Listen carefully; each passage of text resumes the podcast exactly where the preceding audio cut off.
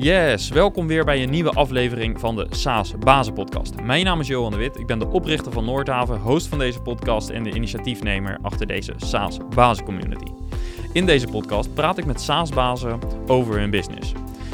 En naast deze podcast is er ook nog een besloten community voor SaaS founders en uh, mensen die een C-level functie hebben binnen een SaaS bedrijf.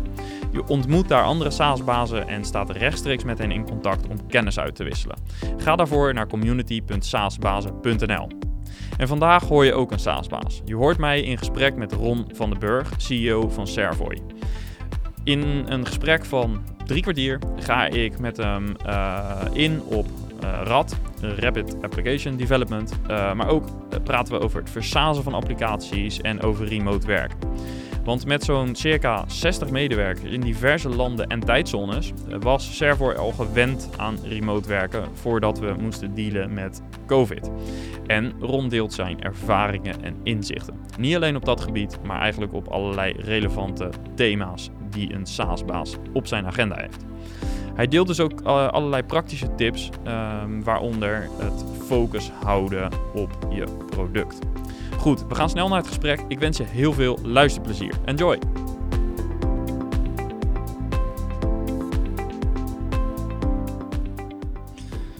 Goed, Ron, van harte welkom uh, in de SaaS Bazen Podcast. Ja, dankjewel. Leuk hier te zijn. Ja, uh, fijn dat je er bent. Uh, we gaan het vandaag hebben over jouw bedrijf Servoy. Ehm, volgens mij ben jij de eerste gast in de podcast die een eigen Wikipedia-pagina heeft. Serieus? Dat ja. wist ik, ik, wist dat zelf niet eens. Je wist niet dat de pagina er was? Er is een Wikipedia-pagina van mijzelf. Nou, nee, van Servoy. Oh. nou, misschien ook wel van jou. Dat heb ik, niet, ik heb daar niet naar gekeken, moet ik eerlijk zeggen. Maar van Servoy kwam ik hem wel tegen. Nou, het zou zomaar kunnen dat wij die zelf gemaakt hebben. Zo'n donkerbruin vermoeden had ik al. Maar hij is er en volgens mij zijn jullie de eerste. Dus dat, uh, nou, die staat dan uh, in die zin ook in de boeken. Um, ja, jullie zijn opgericht in 2001, uh, als ik uh, dat goed heb gelezen. Inmiddels met zo'n 60 mensen. nou, ik denk dat je daar veel meer over kunt vertellen. Maar misschien is het leuk om eerst jou persoonlijk even te introduceren. Je bent dus de CEO. Um, volgens mij al zo'n 10 jaar verbonden bij het bedrijf. kun je kort iets over jezelf vertellen? Wat heb je hiervoor gedaan en hoe ben je hier terechtgekomen? Nou, Ron van den Burg dus. Ik ben eigenlijk werktuigbouwkundige. Ik heb werktuigbouwkunde gestudeerd. En uh, na wat omzwervingen, met name in de energiesector, uh, ben ik in die energiesector uh, ooit CIO van een bedrijf geweest, van Siemens. Dat heet dan nu Siemens. We bouwden daar energiecentrales. Um, ik kwam eigenlijk door mijn voorliefde voor software sowieso. Um, ook in mijn studietijd heb ik best wel wat software geschreven. Werktuigbouwkundigen moeten vaak moeilijke problemen oplossen. En dat, dat deden we dan met software. Daar bleek ik wel een soort van talent voor te hebben. Uh, met name dat snel te doen. Ik deed dat ook wel voor wat medestudenten. En ik heb het altijd uh, heel interessant gevonden, software. Met name om ja, problemen op te lossen, uh, de efficiëntie voor mensen te verbeteren. Dus na wat omzwerving ook weer bij, bij NEM heette dat bedrijf, Siemens nu. ben ik uiteindelijk bij Servoort terechtgekomen. in eerste instantie ehm, werd ik gevraagd om het bedrijf meer te professionaliseren. in de manier waarop wij projecten met klanten deden. En uh, later is dat ja, soort organisch gegroeid naar uh, dat ik nu CEO ben geworden. Ja, en uh, je begon dus eigenlijk niet zozeer vanuit je een, een, rol om de software verder te ontwikkelen, maar echt meer naar de businessprocessen. Dus daar had je op dat moment ook al een track record in. Of daar had je... Zeker, ja, zeker. Dat, voor mij is dat altijd het belangrijkste. Software is niet het doel, maar het middel. Ja, dat haalde ik ook een beetje uit je LinkedIn-profiel. Uh, daarin noem je ook zoiets. Hè? Dus uh, het, uh, je, je hebt twee passies eigenlijk die binnen Servoy samenkomen. Dat is enerzijds software en anderzijds het beter maken van van organisaties en processen. Ja. Uh, dus dat uh, komt denk ik terug. Daar wil ik het uiteraard ook met je over gaan hebben straks. maar eerst misschien even goed om te uitzoeken wat jullie nou precies doen. Um, ik kijk op jullie website, dan kom ik heel veel termen tegen die ik op zich wel redelijk kan plaatsen. maar misschien kun jij het in een paar minuten uitleggen zoals je het ook wellicht aan een prospect uitlegt. Nou, kijk, wat we eigenlijk doen is, is nooit veranderd. Uh, toen het bedrijf opgericht werd door de founders van het bedrijf in 2000 uh, of 1999 zijn ze echt, gestart. Uh, werd door hun al best wel veel software gebouwd. En het hadden eigenlijk twee soorten teams. Teams die dat met ja, toen wat, wat RAD-achtige tools deden, Rapid Application Development. Maar die waren niet geschikt voor enterprise-grade applicaties. En aan de andere kant hadden ze teams die dat in dingen als Java bouwden. En het verschil tussen die twee was, met name tempo. Dus het ene was, de, Java was langzaam, maar wel heel goed. En schaalbaar. En uh, die RAD-tools zoals File, FileMaker, Fox Pro, ja, noem het allemaal op. Ging heel snel, maar was niet erg schaalbaar. Doordat ze de oprichters bedacht, ja, waarom kunnen we niet op de RAD-manier Java-software maken? En dat eigenlijk, ja, dus, dus hoe kan ik mensen empoweren om wel heel goede dingen te bouwen, met veel vrijheid, uh, zonder ja, dat het zo traag is en lang duurt en niet onderhoudbaar is, dat soort dingen. En uh, ja, dat, is, dat is nog steeds eigenlijk wat wij doen. Wij proberen met name softwareontwikkelaars. We zijn echt wel een platform voor coders, mensen die uh, zelf software willen maken met veel vrijheid. Maar je wil die mensen empoweren om datgene wat ze willen maken sneller te doen, beter te doen. niet dingen nog een keer doen die ze vorige keer ook al moesten doen. Um, en daarmee proberen wij ze te ontzorgen. En dat is ook de journey die wij continu doen. Uh, en dat, ja, dat is wat, ja, wat Servo is. Ja, helder. En uh, je geeft aan, destijds is het eigenlijk begonnen met de vraag van hoe kunnen we ervoor zorgen dat organisaties dat sneller kunnen gaan doen. Hoe sneller ontwikkeld kan worden, maar wel met behoud van de kwaliteit. hoe lang heeft dat geduurd voordat jullie het product hadden staan wat ook in die behoefte voorzag? Nou ja, ik was er niet bij. Uh, maar in 1999 zijn ze al gestart met het, het eerste idee. Toen heette het volgens mij de Java Fast Modeler. En uh, in 2001 is het eerste versie 1 gelanceerd. Die al best wel heel ver en heel veel kon. Um, en eigenlijk vanaf dag 1 is ook best wel gefocust op met name het, leven aan softwarebedrijven. Dus we zijn niet een club die onze core market is niet uh, eindgebruikers, uh, maar met name softwarehuizen. SaaS-bedrijven tegenwoordig allemaal. Um, en ja, de feature set die je nodig hebt om developers van dat soort clubs uh, te ontzorgen, zijn, ja, dat, dat, daar zijn wij nog steeds mee bezig om dat uit te breiden, beter te maken, makkelijker te maken. Ja, hoe reageren die bedrijven erop? En dan uh, heb je vaak twee levels. Hè? Dus je hebt C-level, uh, die kijkt wat meer naar business. En developers, die kijken misschien wat meer naar ja, wat doet dit platform voor mij? Mm -hmm. hoe reageren die bedrijven en dus die twee groepen op jullie oplossing? Nou, typical de business, die herkent wel um, ja, de, de, de frustratie soms van dat het allemaal langzaam gaat. Uh, een CEO of een sales manager, die ziet vaak kansen liggen die, die ze niet kunnen benutten. Dat ze nog 15 andere features zouden kunnen bouwen waar ze nog 15 nieuwe klanten mee kunnen vinden. Dus daar zit bij denk ik, ieder SaaS-bedrijf wel een soort frustratie. Wat gaat allemaal langzaam in? Dus daar hebben we altijd heel veel tractie. Um, en bij die, meer de, de, de techkant heb je eigenlijk twee smaken mensen. Mensen die zeggen, hey, fantastisch dat ik nu geholpen word om al die tedious tasks die ik vroeger moest doen en opnieuw uitvinden, niet meer hoef te doen. En je hebt ook mensen die zeggen, ja, ik vind het heel gaaf om dat allemaal zelf iedere keer opnieuw uit te vinden. Um, ja, en bij die, laatste groep heb je soms wel eens een uitdaging. Je zegt, ja, ik kan, kan mijn eigen niet kwijt en ik wil zelf doen wat Servo doet. En, maar goed, maar business cases zijn, de, ja, dat zijn de, de type mensen die wij hebben. Ja, en wat doen jullie daaraan om uh, die developers toch de waarde van het platform te laten zien? Uh, nou, om, de, om developers die er al mee werken, met ze in contact te brengen. Uh, video's bijvoorbeeld staan waarbij, waarbij developers van SaaS-clubs zeggen: ja, wat hier gemaakt is in de afgelopen half jaar was onmogelijk geweest als we dat bleven doen op de oude manier. Met, de, met meer een core technologie als Java of .NET of, of neem het. Ja. En um, en dat is ook oprecht uh, informatie. We proberen ook heel open te zijn in onze community. En uh, dat bestaande klanten mogen ook, of uh, nieuwe klanten mogen of prospects mogen ook gewoon prima praten met onze bestaande klanten. We hebben bijvoorbeeld één keer per jaar een, een wereldwijde conferentie. En daar nodigen we ook heel vaak prospects uit. En ga, maar, ga maar praten. En ja, dat is de manier waarop die brug een beetje proberen te slaan. Ja, dus eigenlijk door de gebruikers zelf het verhaal ja. te laten vertellen. Um, je geeft aan uh, met name softwarebedrijven, ISV's, dat is ook een term die jullie veel gebruiken. Mm -hmm. kun je concrete voorbeelden noemen van klanten die applicaties hebben ontwikkeld op jullie platform? Ja. Ja, nou, ja, ik noem niet vaak namen, want softwarehuizen... Dat hoeft niet per se, maar dat we een beeld hebben... Nou, er zijn wel een paar die dat prima vinden. Maar softwarehuizen... in Nederland hebben we een grote speler op het gebied van accounting. Die hebben een, een boekhoudpakket. Dat ook op jullie website, hè? We hebben uh, een club die aan uh, een van de grootste spelers op in Nederland voor um, notariaten en juristen. Zitten veel in logistiek. Zitten in gezondheidszorg, EPD's worden er gebouwd. EPD's? Ja, een elektronisch patiëntendossier. Oké, ja. fertiliteitsklinieken. ik heb een klant in Zwitserland die het verlonen van mensen in hotels doet. Ja, dat is nog een heel complexe wereld. Grote, complexe ERP's vaak voor dit soort dingen. Veel logica.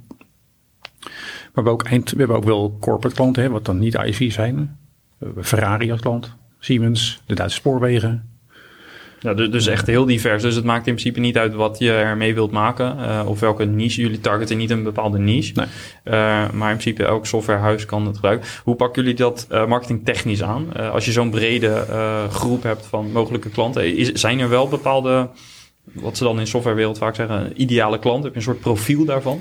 Nou, kijk, de, ik denk, de, de, de, ja, natuurlijk zijn er ideaal profiel. Dat zijn dus typical softwarehuizen die op een bepaalde vertical zich richten. Uh, dus ik, Salesforce zou in theorie denk ik gemaakt kunnen worden met Servoy. Ik denk niet dat ze ons gaan kopen, maar het zou leuk zijn. Het zou leuk zijn. Uh, er zijn vaak kleinere, nou ja, even tussen aan kleinere spelers. Dus niet de hele grote bedrijven.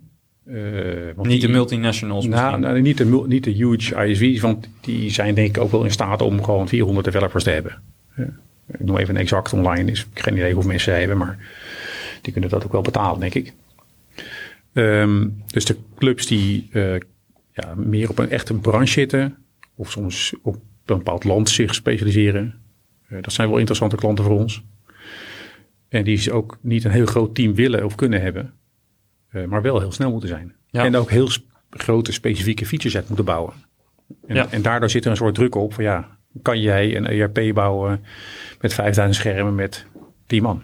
Ja, uh, want dat kan niet als je dat van scratch doet. Nee, want het sleutelwoord zit dan bij jullie dus eigenlijk in snelheid. Vandaar ook, ja, productiviteit. Het... zijn eigenlijk twee dingen. Soms is het time to market is leading. Uh, heel vaak zelfs. Dus een, iemand ziet een opportunity om je snel in de markt te zetten en dat er geld uit te maken. Pardon. En je ziet ook uh, clubs die zeggen, ja, ik kan gewoon niet 20 developers op dit pack zetten, want anders is het gewoon niet feasible voor mij. Dus het is eigenlijk, ja, of het gaat wel eens hand in hand natuurlijk. Ja, het kan ook een, een mix zijn in die zin. Uh, ik heb eerder in deze podcast gesproken met uh, Jeroen van den Nouwland. Uh, en hij gaf aan dat zij op gebied van hosting dan weliswaar ook werkte met softwarebedrijven die on-premise applicaties hadden en die dan willen versazen, zeg maar, voor zover dat Nederlands is. Maar ik denk dat iedereen, iedere luisteraar wel begrijpt wat dat betekent. Um, is dat ook een mogelijke use case? Dat je dus een uh, on-premise applicatie hebt en dat je wil gaan versazen. Uh, alleen dat je eerst nog uh, mogelijk ook de business case wil valideren. Of dat je moet kijken van ja, we kunnen niet de hele applicatie in één keer versazen, maar we willen dat gefaseerd doen. Zijn dat ook use cases waar jullie dat zie, je heel, dan, dat zie je heel veel. Sterker nog, wij proberen juist klanten te adviseren van ja, ga nou eerst je focus waar het probleem echt ligt. Het heeft niet per se zin om een bestaande ERP-applicatie helemaal opnieuw te bouwen. Um, tenzij dat, weet ik wel, niet meer gesupport wordt of iets dergelijks. Maar typical is het probleem nu van ja, ik moet het in een browser en uit een cloud kunnen aanbieden. Um, en zo'n ERP-systeem in de backend en hoe het database schema eruit zit, is typical wel hetzelfde voor de een of andere applicaties. Wij zien heel veel trajecten van legacy technologie, waar ze de hele backend laten staan. En onze technologie daar zeg maar bovenop plakken. En daarmee een browser cloud applicatie bouwen. En dat is ook weer, ja, je moet, ik vind echt, je moet focussen op value, hè, het leveren van value. En probeer die dingen naar voren te halen waar het grootste probleem zit. En ga dat als eerste oplossen. En, Hoe helpen jullie een klant daarbij? Nou, in de discussie over zo'n business case te praten. Um, ik zal uh, met klanten proberen te praten over, heeft het zin om dat wat je nu hebt exact één op één over te bouwen naar een cloud? Ja, waarom zou jouw klant daar dan meer geld voor gaan geven? Ja, oké, okay, misschien een stukje hosting. Maar dat kost je ook weer geld. Dus daar wordt je marge niet beter van. Dus je gaat misschien wel miljoenen insteken in iets nieuws maken. Maar je wilt dat miljoen wel een keer terugverdienen. Anders kan je beter je bedrijf in een soort milk in zetten, denk ik. en um, dus gaat liever dan wel een, een aanpalen product aanbouwen. Of iets mobiels of portals of verzin iets.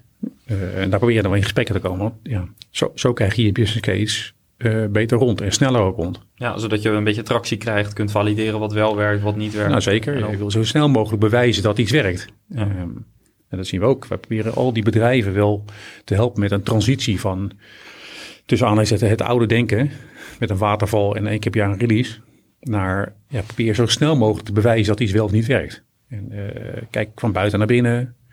Wees meer UX-oriented. Want, want daar, de UX is de waarde. Hè? Dit zijn de features en, en hoe het voelt voor iemand om ermee te werken. En de perceptie van waarde. En waarom moeten jullie hen dit uitleggen? Want je zou zeggen, een softwarehuis moet deze bijna universele wetten wel begrijpen. Omdat uh, ja, een, een, product bouwen, heel veel SaaS-bedrijven of ISV's zijn, weet ik veel, 20, 30 jaar geleden gestart. En die zijn ja, 30 jaar al bezig om dat product te bouwen. En dat product bouwen en uitbouwen is iets anders dan opnieuw nadenken over waar ligt die waarde nou. Dat is, dat is, een ander ding. En dit zijn, ja, en iedere jaar een nieuwe release doen is iets anders dan ik ga in de komende twee jaar mijn product versazen. Dat is wel een ander project. Dus dat zijn ze niet gewend. UX en UI wordt heel snel door elkaar gehaald. Ja, het moet een ander sausje hebben. Nee, waar ligt echt de waarde voor jouw eindgebruiker? Het zou best kunnen zijn dat je ook echt een andere feature set bijvoorbeeld gaat krijgen. Of, ja, ja. ja. Andere en, en toch heel erg denken, ja, uh, zonder uh, naar te zijn, maar je ziet toch, toch heel veel van die oude grote ERP-pakketten. Ja, het database-schema zie je bijna op het scherm staan. Hè? En ook omdat de technologie daar beperking was, aan nadenken over die gebruiker en die use case als, als eerste stellen. En dat is de waarde die hij toevoegt aan die gebruiker. Ja, hij wordt er efficiënter van en blijer van. We hebben een slogan, uh, great apps is happy people. En daar geloof ik in. Ik word ook echt letterlijk blij. Wij gebruiken ook SaaS pakketten natuurlijk om onze boel te administreren. Ik word echt letterlijk blij als ik een nieuw pakket gekocht heb. En, uh, of niet blij soms misschien.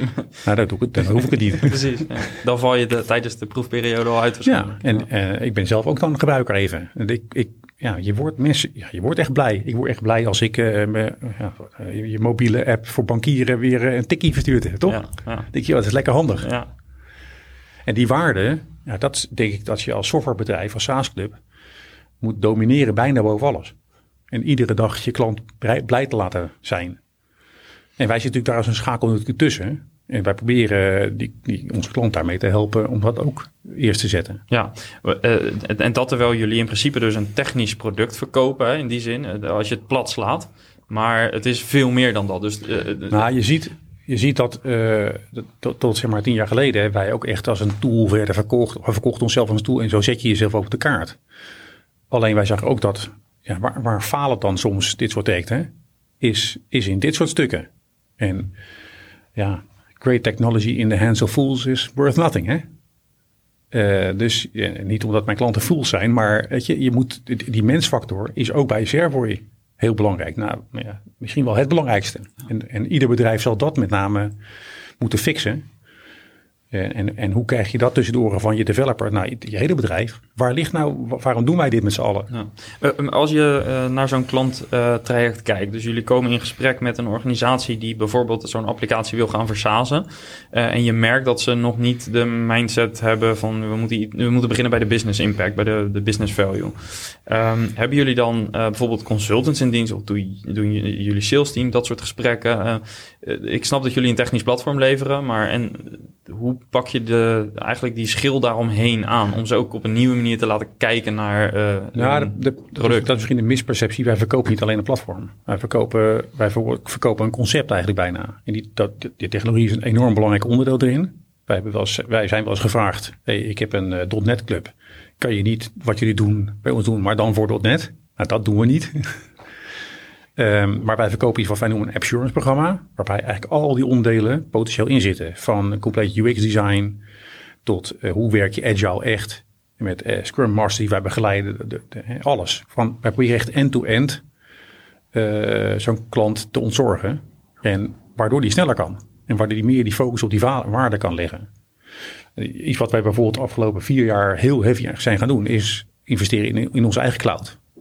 Uh, vroeger hadden wij, ja, weet je, je maakt met Servo een applicatie en die deploy je ergens. Nou, en succes ermee. Maar wij zagen dat al die klanten eigenlijk ja, best wel struggelden met, hoe kan ik dat in een cloud zetten dan? En ik heb eigenlijk best wel veel mensen nodig om die cloud uh, up-to-date te houden en het performt wel of niet. En, uh, en hoe kan je nou, dus wij volgen eigenlijk die klanten in hun journey naar die cloud. En wij willen ja, samen ownership hebben over dat geheel. En, en, daar hebben we enorm op ingezet. En dat, je ziet ook dat klanten daar heel erg blij mee zijn. Ja, en uh, die eigen cloud houdt dus ook in dat uh, mensen dus, uh, jullie klanten kunnen zelf hun applicatie deployen op jullie uh, platform, waarbij dus ook de hosting dan. ja, en, en wij, proberen, wij proberen een beetje weg te blijven bij het woord hosting. Want wij proberen wel iets anders te verkopen dan hosting. Het, het draait bij op onze door ons beheerde servers. Maar wij proberen te zeggen, ja, nee, wij zijn verantwoordelijk voor dat het het echt doet. Ja. En het doet is een gebruiker die echt er doorheen klikt en het performt en het is veilig. Terwijl een typical hosting club, zeg maar even, die zegt ja, het operating system doet het en de database deed het. En Ja, verder, tot, tot de OS-laag moesten wij iets doen en dat, en, en, ja, en, en dan zie je toch dat heel veel clubs ja, dan een beetje in een soort van, hey, shit, nu. En, dat stuk daartussen dan. En wie moet dan bellen? ja. En, en daar wij proberen ja, een niveautje hoger te komen om het echte probleem op te lossen. En waardoor ze echt sneller kunnen. In principe moet de klant bij ons niets hoeven weten van hoe die cloud werkt. Behalve dat hij het wel of niet doet. Ja, het moet gewoon eh, up en running zijn. En de applicatie die je binnen het platform maakt, dat moet moet beschikbaar zijn. En Punt. eh, punt. Ja. Ja. Eh, helder verhaal. Ehm, als eh, ik als ISV met eh, jullie wil gaan werken, ehm, wat is dan de leercurve gemiddeld genomen? Of is daar iets over te zeggen? Ehm, de leercurve die ik nodig heb om met jullie platform te gaan werken. Mhm. Ten opzichte van hoe ik altijd gewerkt heb. Ten opzichte van, dat is een moeilijke vraag. Ik kan iets vertellen over de, over de leer- leercurve. Nou, op zich kan je met Servo heel snel starten. Dat is niet moeilijk. Maar wat je ziet is dat, zeker voor zorgverhuizen, die hebben wel typical relatief grote. Hè? Ik denk dat als jij een hele simpele declaratie-app wil gaan maken, ja, dan heeft het misschien, ja, ik heb klanten die dat doen hoor, maar is natuurlijk de payback time anders dan als je een ERP gaat maken met 5000 schermen. Ja. Maar bij type klanten hebben wel relatief grote projecten hè, van een jaar of zo. Dat vaak zijn de moeilijke dingen willen mensen in het begin gaan doen. En die zijn altijd tegen te gaan op zoek naar wat kan niet. Of hoe ga ik deze moeilijke problemen allemaal oplossen. Dus wat wij te doen is juist in het begin met relatief heavy eh nou, consultancy wil ik niet zeggen. Maar wij helpen die klanten hun framework op te zetten. Want softwarehuizen willen zich onderscheiden in hoe het eruit ziet en hoe de UX is. Daar helpen wij ze mee, heavy in het begin. Zodat zij zelf de relatief simpele taken in het begin kunnen doen. Waardoor achteraf en, en gedurende het proces leren ze steeds meer. En kunnen ze steeds meer van die dingen naar zich toe halen. Dus je kan heel snel starten. En wij helpen mensen erbij, trainen ze en doen on-the-job training.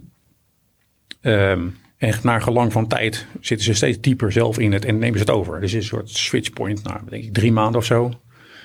Zijn zij helemaal in de lead. Ze en moeten, ze en moeten zijn wij uiteindelijk nu- autonoom verder kunnen. Zeg dat maar. is, ja, al, al onze klanten die draaien eh, eh, autonoom. Wij zijn in principe niet involved in projecten. Wij helpen ze te onboarden, noem het maar even. Dat zijn trajecten van meestal ongeveer 12 maanden. Waar in het begin het relatief heavy is. Want ja, wij doen nog even nog de moeilijke dingen. Want dat weten ze nog niet. Ehm, en het voordeel daarvan is dat je dus ook heel snel start. Dus als jij een nieuwe technologie leert, typical als developer. Ja, dan moet je. Ja, er zitten best wel veel hele complexe keuzes in het begin van een project. Heel complex zelfs. Die heel enorm impact hebben aan het eind. Maar ja, je weet het, de technologie nog niet. Dus maak je sowieso de verkeerde keuzes. En wij keren dat om. Want wij maken die keuzes in het begin voor je. Met het doel als in het achterhoofd. Waardoor ze snel kunnen starten. Snel resultaat hebben. En langzamerhand beginnen ze ook te vatten hoe wij die keuze gemaakt hebben. Zijn we open in natuurlijk.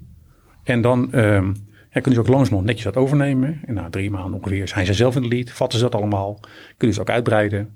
En zo proberen we dat te doen. Ja. Ehm, wat nou als zo'n klant uiteindelijk zegt van nou, we hebben nu deze applicatie staan, we zijn twee, drie jaar verder en we willen toch uiteindelijk het zelf doorontwikkelen, om welke reden dan ook. Eh, kan zoiets en zo ja, hoe gaat dat dan? Nee, je, je, kan, je kan wel door. Je ontwikkelt altijd door een Servoy. Je kan niet loshalen. Dus dat. Nee. Dus je, je, de keuze voor Sharevoy, eh, die maak je en binnen dat platform blijf je altijd doorontwikkelen. Ja. Hoe reageren bedrijven daarop? Eh, dat ze, eh, vendor lock hoor je dan vaak, dat dat, dat een, een thema is. Waar, hoe weerleggen jullie dat? Nou, je hoort het steeds minder, moet ik zeggen. Vroeger was dat wel een soort ding. En vanuit legal perspectief hoor ik het nog wel eens.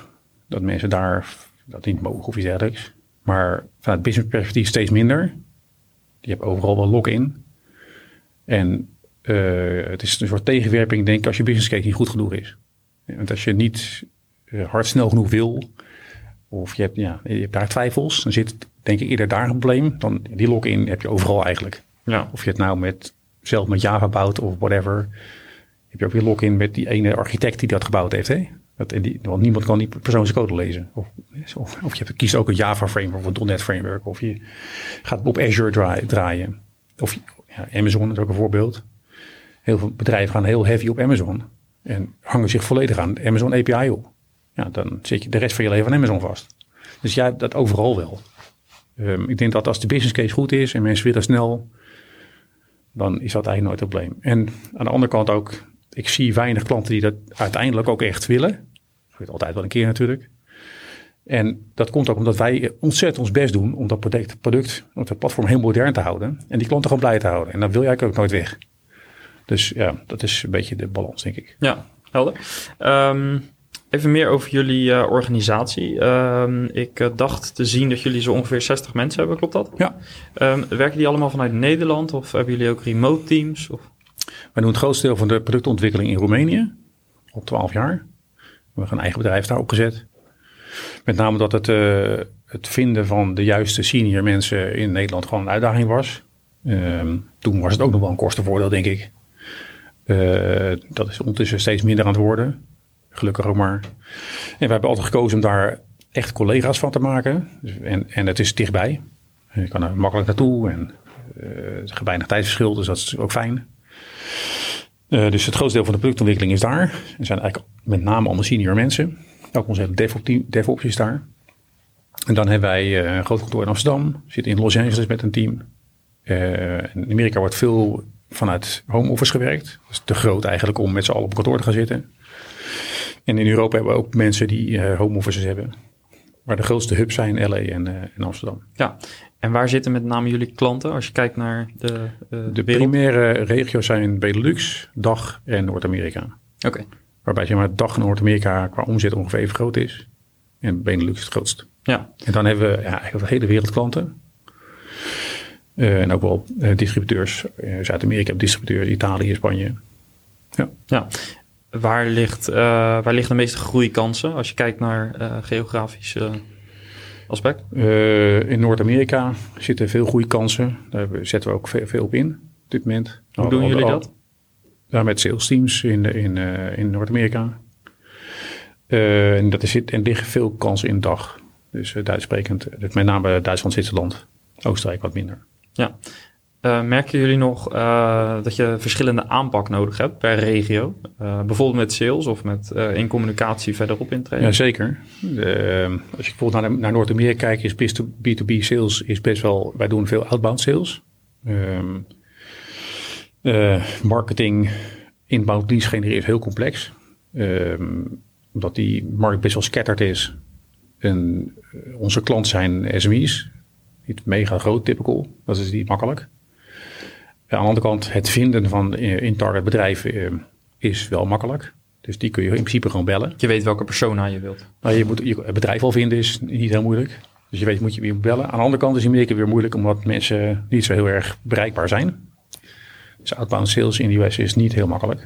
En, maar dat is bijvoorbeeld in Nederland en in Duitsland heel makkelijk. Mensen nemen gewoon de telefoon op. In Amerika soms gewoon niet. Hm. Um, maar we doen bijvoorbeeld ook veel beurzen waarbij de, waar wij de beurs bezoeken. Dus een healthcare beurs. En daar staan dan softwarehuizen in de healthcare. Dan moet je reverse uh, marketing. dus dan zijn ze even confused waarschijnlijk als je binnen... Ja, maar aan de andere kant denk ik dat mensen... We hebben ook wel een goed verhaal. Dus uh, ja, het komt zelden voor dat mensen echt uh, niet fijn vinden. En het is ook niet het idee om daar... Je gaat geen uren staan te praten Nee, het gaat voor de introductie. Precies. En kan je keer bellen. Dit zijn wij aan het doen. En waarom sta je hier? En ja, dat, dat, dat wereldje kennen we wel. Ja, en wij, wij zijn zo getarget op die IC's dat wij ook heel goed hun business case begrijpen en waar ze tegenaan lopen. Dus je, kan ook wel fijne gesprekken hebben. Uh, en dat werkt echt goed. Ja, en in relatief korte tijd. Als je de pijn kent uh, en je hoeft ja. daar maar twee, drie dingen over te zeggen, dan uh, is er wel herkenning waarschijnlijk. Ja, en in sales heb je natuurlijk maar een paar haakjes nodig om in gesprek te komen. Om ja, nou, uiteindelijk het echt, ja, weet je, onze sales cycles zijn wel lang, waardoor het is prima om daar vier gesprekken te hebben. Ja. Hoe, hoe, hoe lang duurt de gemiddelde sales cycle? Ja, tussen de, het kan wel heel lang zijn. Uh, in die zin dat we wel eens heel lang met bedrijven soorten met van in gesprek zijn. Een uurtje, dat kan wel eens tien jaar duren, letterlijk. Dat we uh, iemand wel eens tien jaar geleden ontmoet hebben. En toen waren ze geïnteresseerd. En tien jaar later gaan ze een keertje tekenen. Omdat ze er dan eigenlijk pas aan toe zijn. Uh, maar negen maanden zijn we wel bezig. Ja. En passen jullie daar nog een bepaalde strategie voor? Uh, je ziet vaak in dit soort uh, sales trajecten dat account-based marketing daar een rol speelt. Dus dat je echt vanuit account-based marketing gaat kijken van hoe kunnen we bepaalde accounts echt over een langere termijn, hoe kunnen we daar meer bij in creëren in teams? Is dat nog een gerichte strategie of zit het toch meer op die sales manager die gewoon vooral veel contacten onderhoudt? Nou, proberen wel zo'n sales manager probeert gewoon een bepaalde pool aan softwarehuizen zeg maar onder zijn hoede te hebben. En er zit er een aantal, het is een beetje mix is het. Die heeft er, weet ik veel, 20 of 25. Waarvan hij heeft, ik wil eigenlijk dit jaar proberen deze tot klant te krijgen. Natuurlijk heeft hij dat. Maar heeft er ook, een, weet ik wel, 100. Uh, waar die, uh, die zijn nurture pool zitten. En waar, waar daar soms een aantal naar boven moeten komen. Uh, dus meer een mix. En bij ons is nurture heel belangrijk. Want we moeten, die, die, die cycle dat een softwarehuis voor nieuwe technologie case is niet iedere week. En sterker nog, dat is misschien wel vijf of zeven jaar. Ja. Dus je moet dat contact blijven houden. En top of mind blijven. En dat is, ja, dat is wat we proberen. Ja, en vanuit marketing? Of is het echt vooral sales? Het is met name sales driven, ja. ja. En marketing is meer voor ons onder, nu ondersteunend. Om uh, ja, dat mensen de informatie vinden. En, uh, en doen webinars, heel veel. En het is meer ondersteunend voor sales. Ja, ik zag die uh, webinars inderdaad op uh, LinkedIn voorbij komen. Is dat iets wat met name de afgelopen maanden door, of sinds COVID eigenlijk uh, gedaan wordt? Of was dat daarvoor al? heb je niet goed naar het getal gekeken. Nee, ik heb, hoeveel we er doen. Nee, ik heb, ik denk van de laatste twee, drie maanden. Wij doen zo'n drie jaar, drie jaar al iedere twee weken een tech webinar. Ja. En dat is met name omdat um, ja, de feature set van zo'n platform en wat je ermee kan, dat is zo extensief ja, om dat in een soort instructievideo's te gaan doen, dat werkt niet. Dus wij wilden dat gaan doen niet alleen voor prospects. Alhoewel we zien dat prospects het heel gaaf vinden. En die gaan het beoordelen. Maar ook voor onze community. Want ook daar zie je dat ja, soms weten ze niet eens dat wij, eh, weet ik wat. We hebben een complete integration platform as a service uh, als onderdeel van het platform. Van dat sublicensiëren we van een uh, partnerbedrijf. Nou, en je ziet softwarehuizen, integratie voor een softwarehuis is eigenlijk heel belangrijk. Dus ja, maar hoe breng je dat onder de aandacht van jouw bestaande klanten? Je kan ze niet allemaal bellen. Dus het proberen met webinars is zo easy consumable dat dat ja, heel krachtig is. Ja, en mensen kunnen het ook op hun eigen manier en eigen tijd natuurlijk weer uh, ja. consumeren. Um, je hebt de term community al een paar keer laten vallen. Um, is dat een uh, online omgeving waar jullie klanten en gebruikers uh, ook zich bevinden en vragen aan elkaar stellen? Ja. sinds wanneer is dat? Sinds 2001. Gelijk vanaf het begin gekozen om een community uh, eraan te koppelen. En ja. uh, daar worden dus Dus dat uh, neemt ook de druk op jullie supportafdeling wellicht wat weg. Nou, we zitten er zelf ook op. Dus daar gaan, zitten klanten onderling. We praten met elkaar. Wordt dingen uitgewisseld. en wij beantwoorden daar zelf ook vragen. naast dat wij natuurlijk een supportsysteem hebben waar we heel extensief op, op zitten. wij zijn open source. Dus klanten kunnen voor het grootste deel volgen wat wij precies doen en welke commits er in GitHub zijn. Uh, er wordt ook heel veel op gereageerd. Uh, in onze community in de afgelopen nou, ook vier jaar, zeg maar, hebben we besloten om, om proberen de core van het systeem wat kleiner te maken, maar er wat meer onderdeel omheen te zetten. En die allemaal open source MIT te publiceren. Dus wij leveren veel wat wij noemen extensies. Dus bijvoorbeeld een extensie waarmee je hele advanced search kan doen. Dus die kun je gewoon downloaden, inpluggen op het systeem en dan kan je die advanced search doen. Uh, open source frontend componenten. Ik noem iets, een uh, hele exclusieve kalender of Gantt chart plugin. Hm. En, dat kan je, en dat kan iedereen maken, maar wij bouwen dat. Wij licenseren dat MIT. Geven dat aan de community en dan gaan die weer dingen teruggeven. En proberen op die manier zo'n vibrant community te creëren. Ja, en daar zit dus heel veel engagement in. En het zorgt er ook voor dat jullie uh, ook op die manier makkelijk met je gebruikers kunnen communiceren. En heel snel feedback uh, kunnen ophalen. Ja. ja. Gaaf. Um, Covid. Um, dat, uh, nou, als we dit opnemen, zitten we daar al een paar maanden flink in. Heeft dat impact voor jullie gehad? Zeker. Um, nou, natuurlijk, iedereen zit thuis. het is wat minder gezellig. nou, wel van. leuke kantoren. En, dus dat is wel jammer. Uh, aan de andere kant waren we wel een bedrijf dat heel gewend is met thuiswerken. Wat ik al zei, we hebben sowieso mensen die vanuit een home, office werken. In Scandinavië, Duitsland, uh, Zwitserland, Italië zitten mensen in Griekenland zitten mensen thuis. Dus die zijn wel gewend. En wij zijn dus ook gewend om met die mensen samen te werken. Um, ook vanuit Amsterdam wordt er in principe twee dagen per week thuis gewerkt. Beetje zonder om in de file te staan, vinden wij. Dus, dat, dus, dus ja, alle technologie hadden we al lang. Um, maar goed, aan de, aan de businesskant heeft het impact met name op nieuwe logo's. Um, zijn best wel ISV's die, uh, ja, die gesprekken een beetje uitstellen. Die hebben al wel eens wat gewacht met moderniseren. Dus ja, die, die gaan denken, ja, kan ik nog wel een beetje wachten. Het is natuurlijk een investering die je, als je gaat moderniseren, een investering die je doet in, in de verre toekomst, of ver. Weet je, uh, een grote ERP herbouwen of de frontend herbouwen, dan ben je toch misschien wel een jaar bezig. Ja. Maar hoe ziet de wereld er over een jaar eruit? Ja. Dus dan ga je, gaan mensen toch dat type ook een beetje uitstellen. Dus met name een nieuw business kant. Aan de andere kant, um, uh, bij bestaande klanten, ik heb een aantal grote klanten die uh, wij in de afgelopen jaren hebben opgetekend, die gaan juist versnellen. Die ja, ik heb nu tijd. Nu even en, tijd om ik heb tijd en uh, ja. ik heb geen last van vervelende klanten die bellen. dus we gaan hard developen. Ja. ik dat laatst weet ik ook niet of dat de reden is, maar we zien dat klanten ook, een aantal klanten juist aan het versnellen zijn. En die vragen ook meer hulp soms. Want ja, we gaan nu even snel, want dan zijn we in september klaar, in september klaar voor de nieuwe wereld. Ja. Dus dus uh, het uh, heft elkaar misschien een klein beetje op als ik het zo... Ja, we hebben, ja, we hebben er niet mega last van. Nee, nee. gelukkig. Um, je gaf net aan, uh, great apps make people smile of ergens happy, in happy die, people. Happy people. Um, hoe implementeer je dat? jullie hebben dat niet voor niks bedacht. Dat is een kreet die je waarschijnlijk in heel veel dingen intern gebruikt. Um, waar zie ik dat in terug in jullie organisatie? Nou, bijvoorbeeld in de trots op hoe onze integrated development environment eruit ziet. Uh, ja, ik vind zelf dat, ja, hoe kan je een, zeggen dat je trots bent op je product als het er niet mooi uitziet? Dus hebben we een jaar of drie geleden bijvoorbeeld gezegd, ja, we gaan gewoon, we zijn gebaseerd op een bestaande IDE. Ja, moet het wel een beetje mooier maken. Want ja, je moet ook daar een glimlach hebben. Want een developer zit daar de hele dag in te werken. Ja, dus, dus dan... wij noemen dat dan developer experience. We moeten tijd steken in een great developer experience. Want ja, hoe, als een developer niet happy is, waarom zou die dan iets gaan maken voor een klant die happy is? Dus je, ja, dat, dat, dat proberen we te doen. Wat ik zei, we doen, proberen in zo'n business case na te denken over hoe kan jij als klant ja, iets moois maken voor jouw klant. En um, ja, dat is wel een serieuze transitie. Want toen uh, ik denk een vijf, jaar of vijf geleden, veel geïnvesteerd in de nieuwe frontend technologie. Vroeger waren wij een Java frontend. Ja, lelijke Oostblok schermen.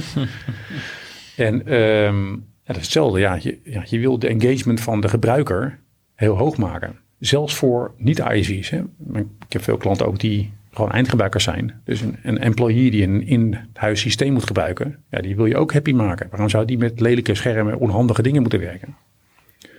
Je ziet zelfs nu natuurlijk hele digital transformation.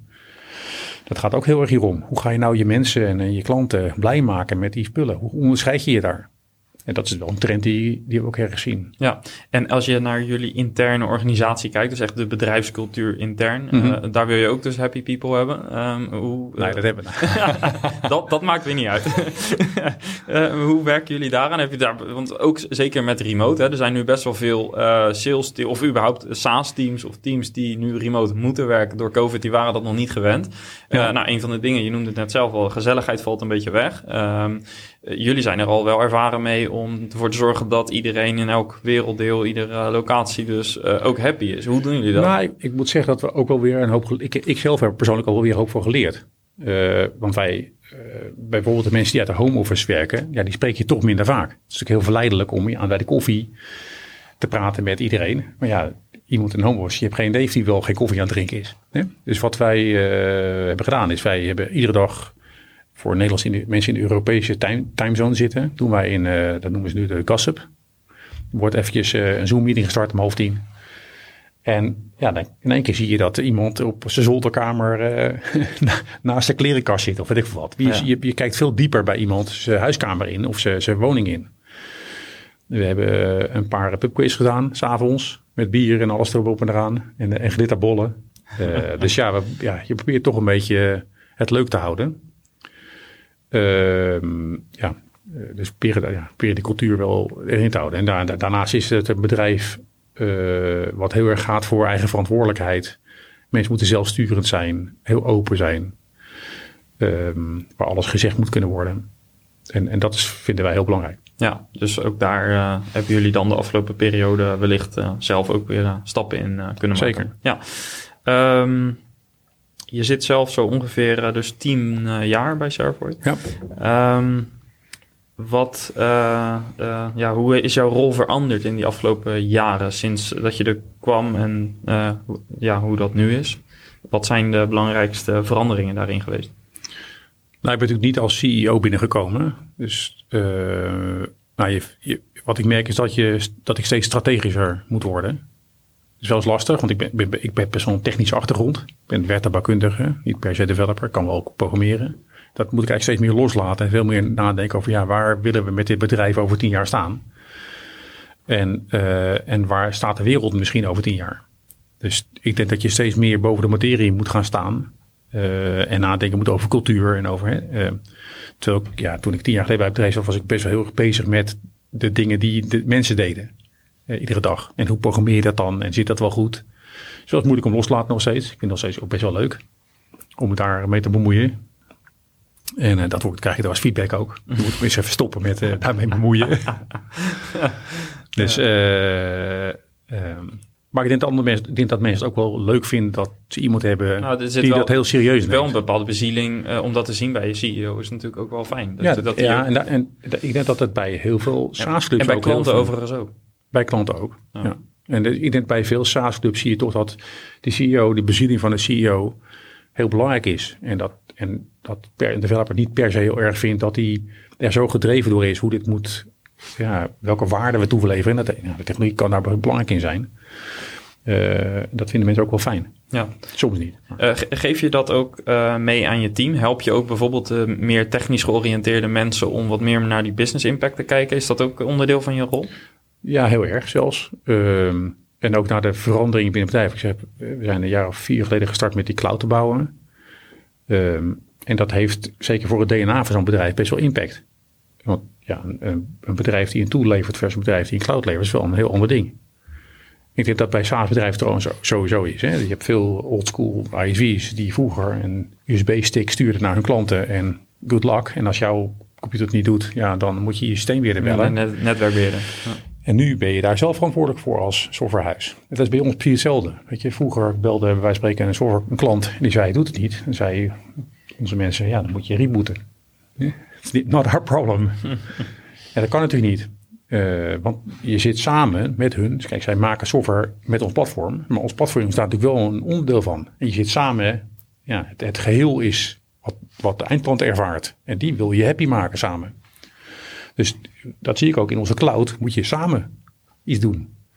Ja, en, en, zelfs al zou je het niet moeten formeel, dan zou je het alsnog willen waarschijnlijk. Wij willen dat, want wij willen heel graag gaan voor eind, blije eindklanten. Want daar, wij realiseren ons heel goed, of misschien ik, of ja, een groot deel van het bedrijf wil, dat, dat daar ligt de waarde. Als onze klanten hun klanten blij kunnen maken, dan gaat het samen goed. Ja. En, en dat is dat hele stuk van samen, ja, dat is best wel een transitie die als bedrijf door moet gaan. En uh, ik denk dat mensen wel doorhebben dat, dat ik daar heel erg, dat ik dat heel belangrijk vind en daar vaak op hamer.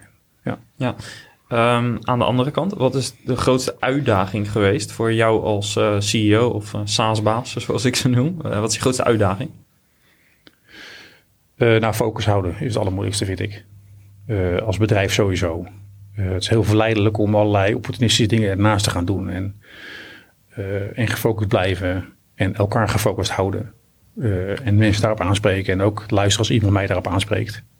dat is, dat, ik denk dat ja, focus is zo'n zo key voor, denk ik, heel veel bedrijven. Nou, in die bedrijf bijna. Ja, en, en kun je een voorbeeld noemen van uh, bijvoorbeeld een, een afleiding die op de loer ligt? Dus heb je het dan bijvoorbeeld over focus in het product of uh, naar een bepaalde doelgroep? Of? Ja, dat heeft heel veel dimensies. In het product kan dat zijn. Het zou zomaar kunnen dat een klant vraagt, ja, kan je dit ook of dat ook? En dan zouden wij zomaar iets voor kunnen gaan bouwen en daar uh, drie maanden van een senior insteken. En dan ja, achteraf denk ik, ja, had het heel veel zin voor hun en voor ons? Nee. Focus over ander, een andere markt erbij gaan proberen te pakken of iets dergelijks. Uh, het is prima om over na te denken, maar dan moet je wel weer daar dan laser sharp focus op hebben als je dat wil gaan doen. Ja. Dus, dus ja, er zijn heel veel afleidingen altijd in zo'n bedrijf. en dat is heel gevaarlijk, denk ik. Ja. Dat is voor mij de belangrijkste learning. Je kan snel afgeleid zijn. Ja, wat hebben jullie, heb je wel eens voor jezelf momenten gehad waar je jezelf even moest terugfluiten dan? ik zie een ja. tuurlijk, tuurlijk. Ja, weet je, dus, het is natuurlijk heel verleidelijk om... Uh, kijk, wij zijn echt een, productenbedrijf. En uh, wij leveren ook dienst aan klanten, maar wel met altijd wel het doel om het product uiteindelijk tot zijn recht te laten komen. Het is natuurlijk heel verleidelijk dat als iemand belt van kan je even mij even een ERP bouwen? Voor, en je hebt je daar vijf man voor. En dat is natuurlijk uh, een van onze commissarissen destijds, René Bonvanie van Poalat Next, zei, ja, services are the cocaine of product companies. Ja, omdat je heel snel afgeleid bent. Nou ja, afgeleid. Het is heel, heel makkelijk natuurlijk om te, naast jouw product allerlei diensten gaan leveren. Dus lekker snel geld verdienen. Ja, je kan je, mar je marge opmaken.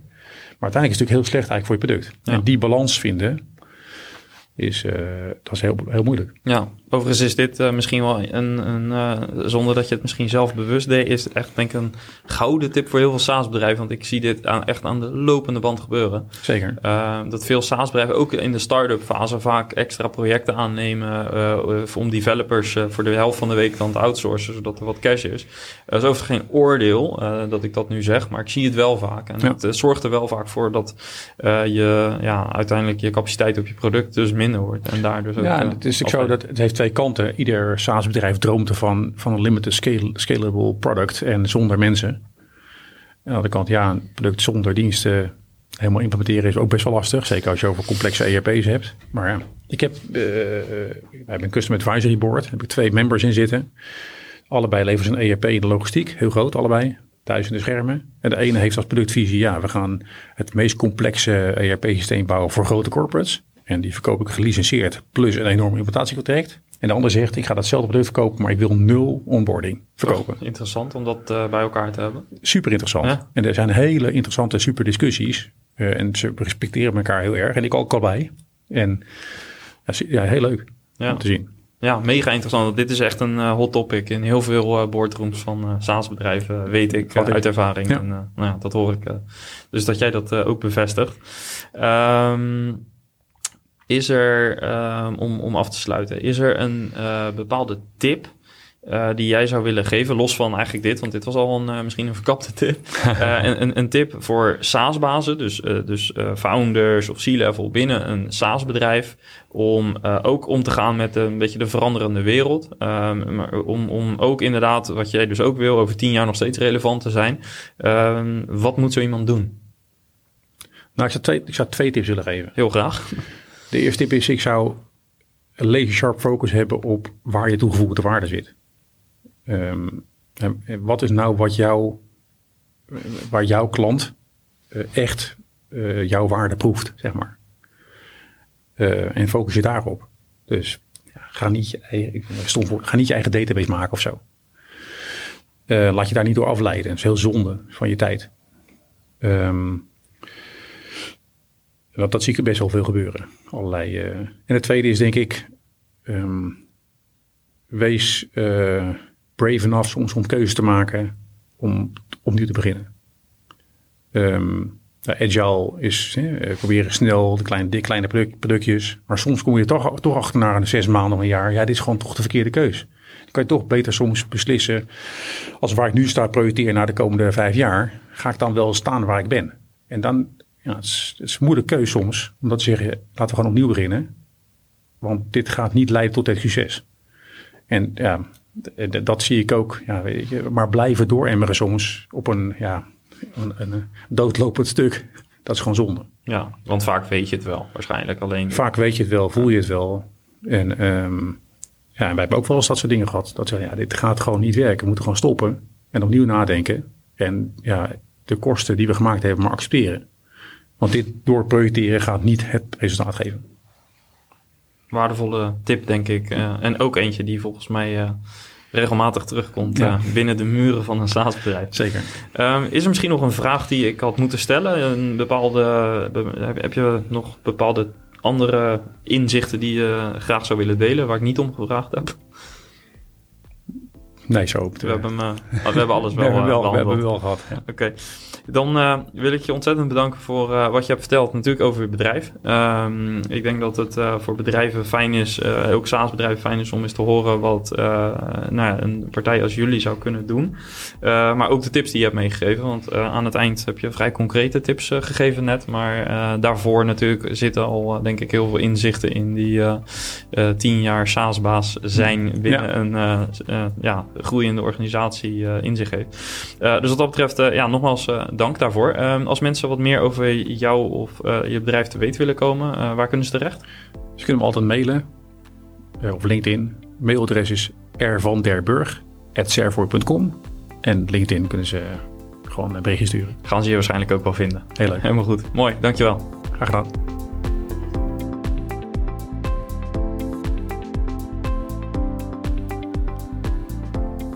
Ja, en dat was dus mijn gesprek met Ron van Sharevoy.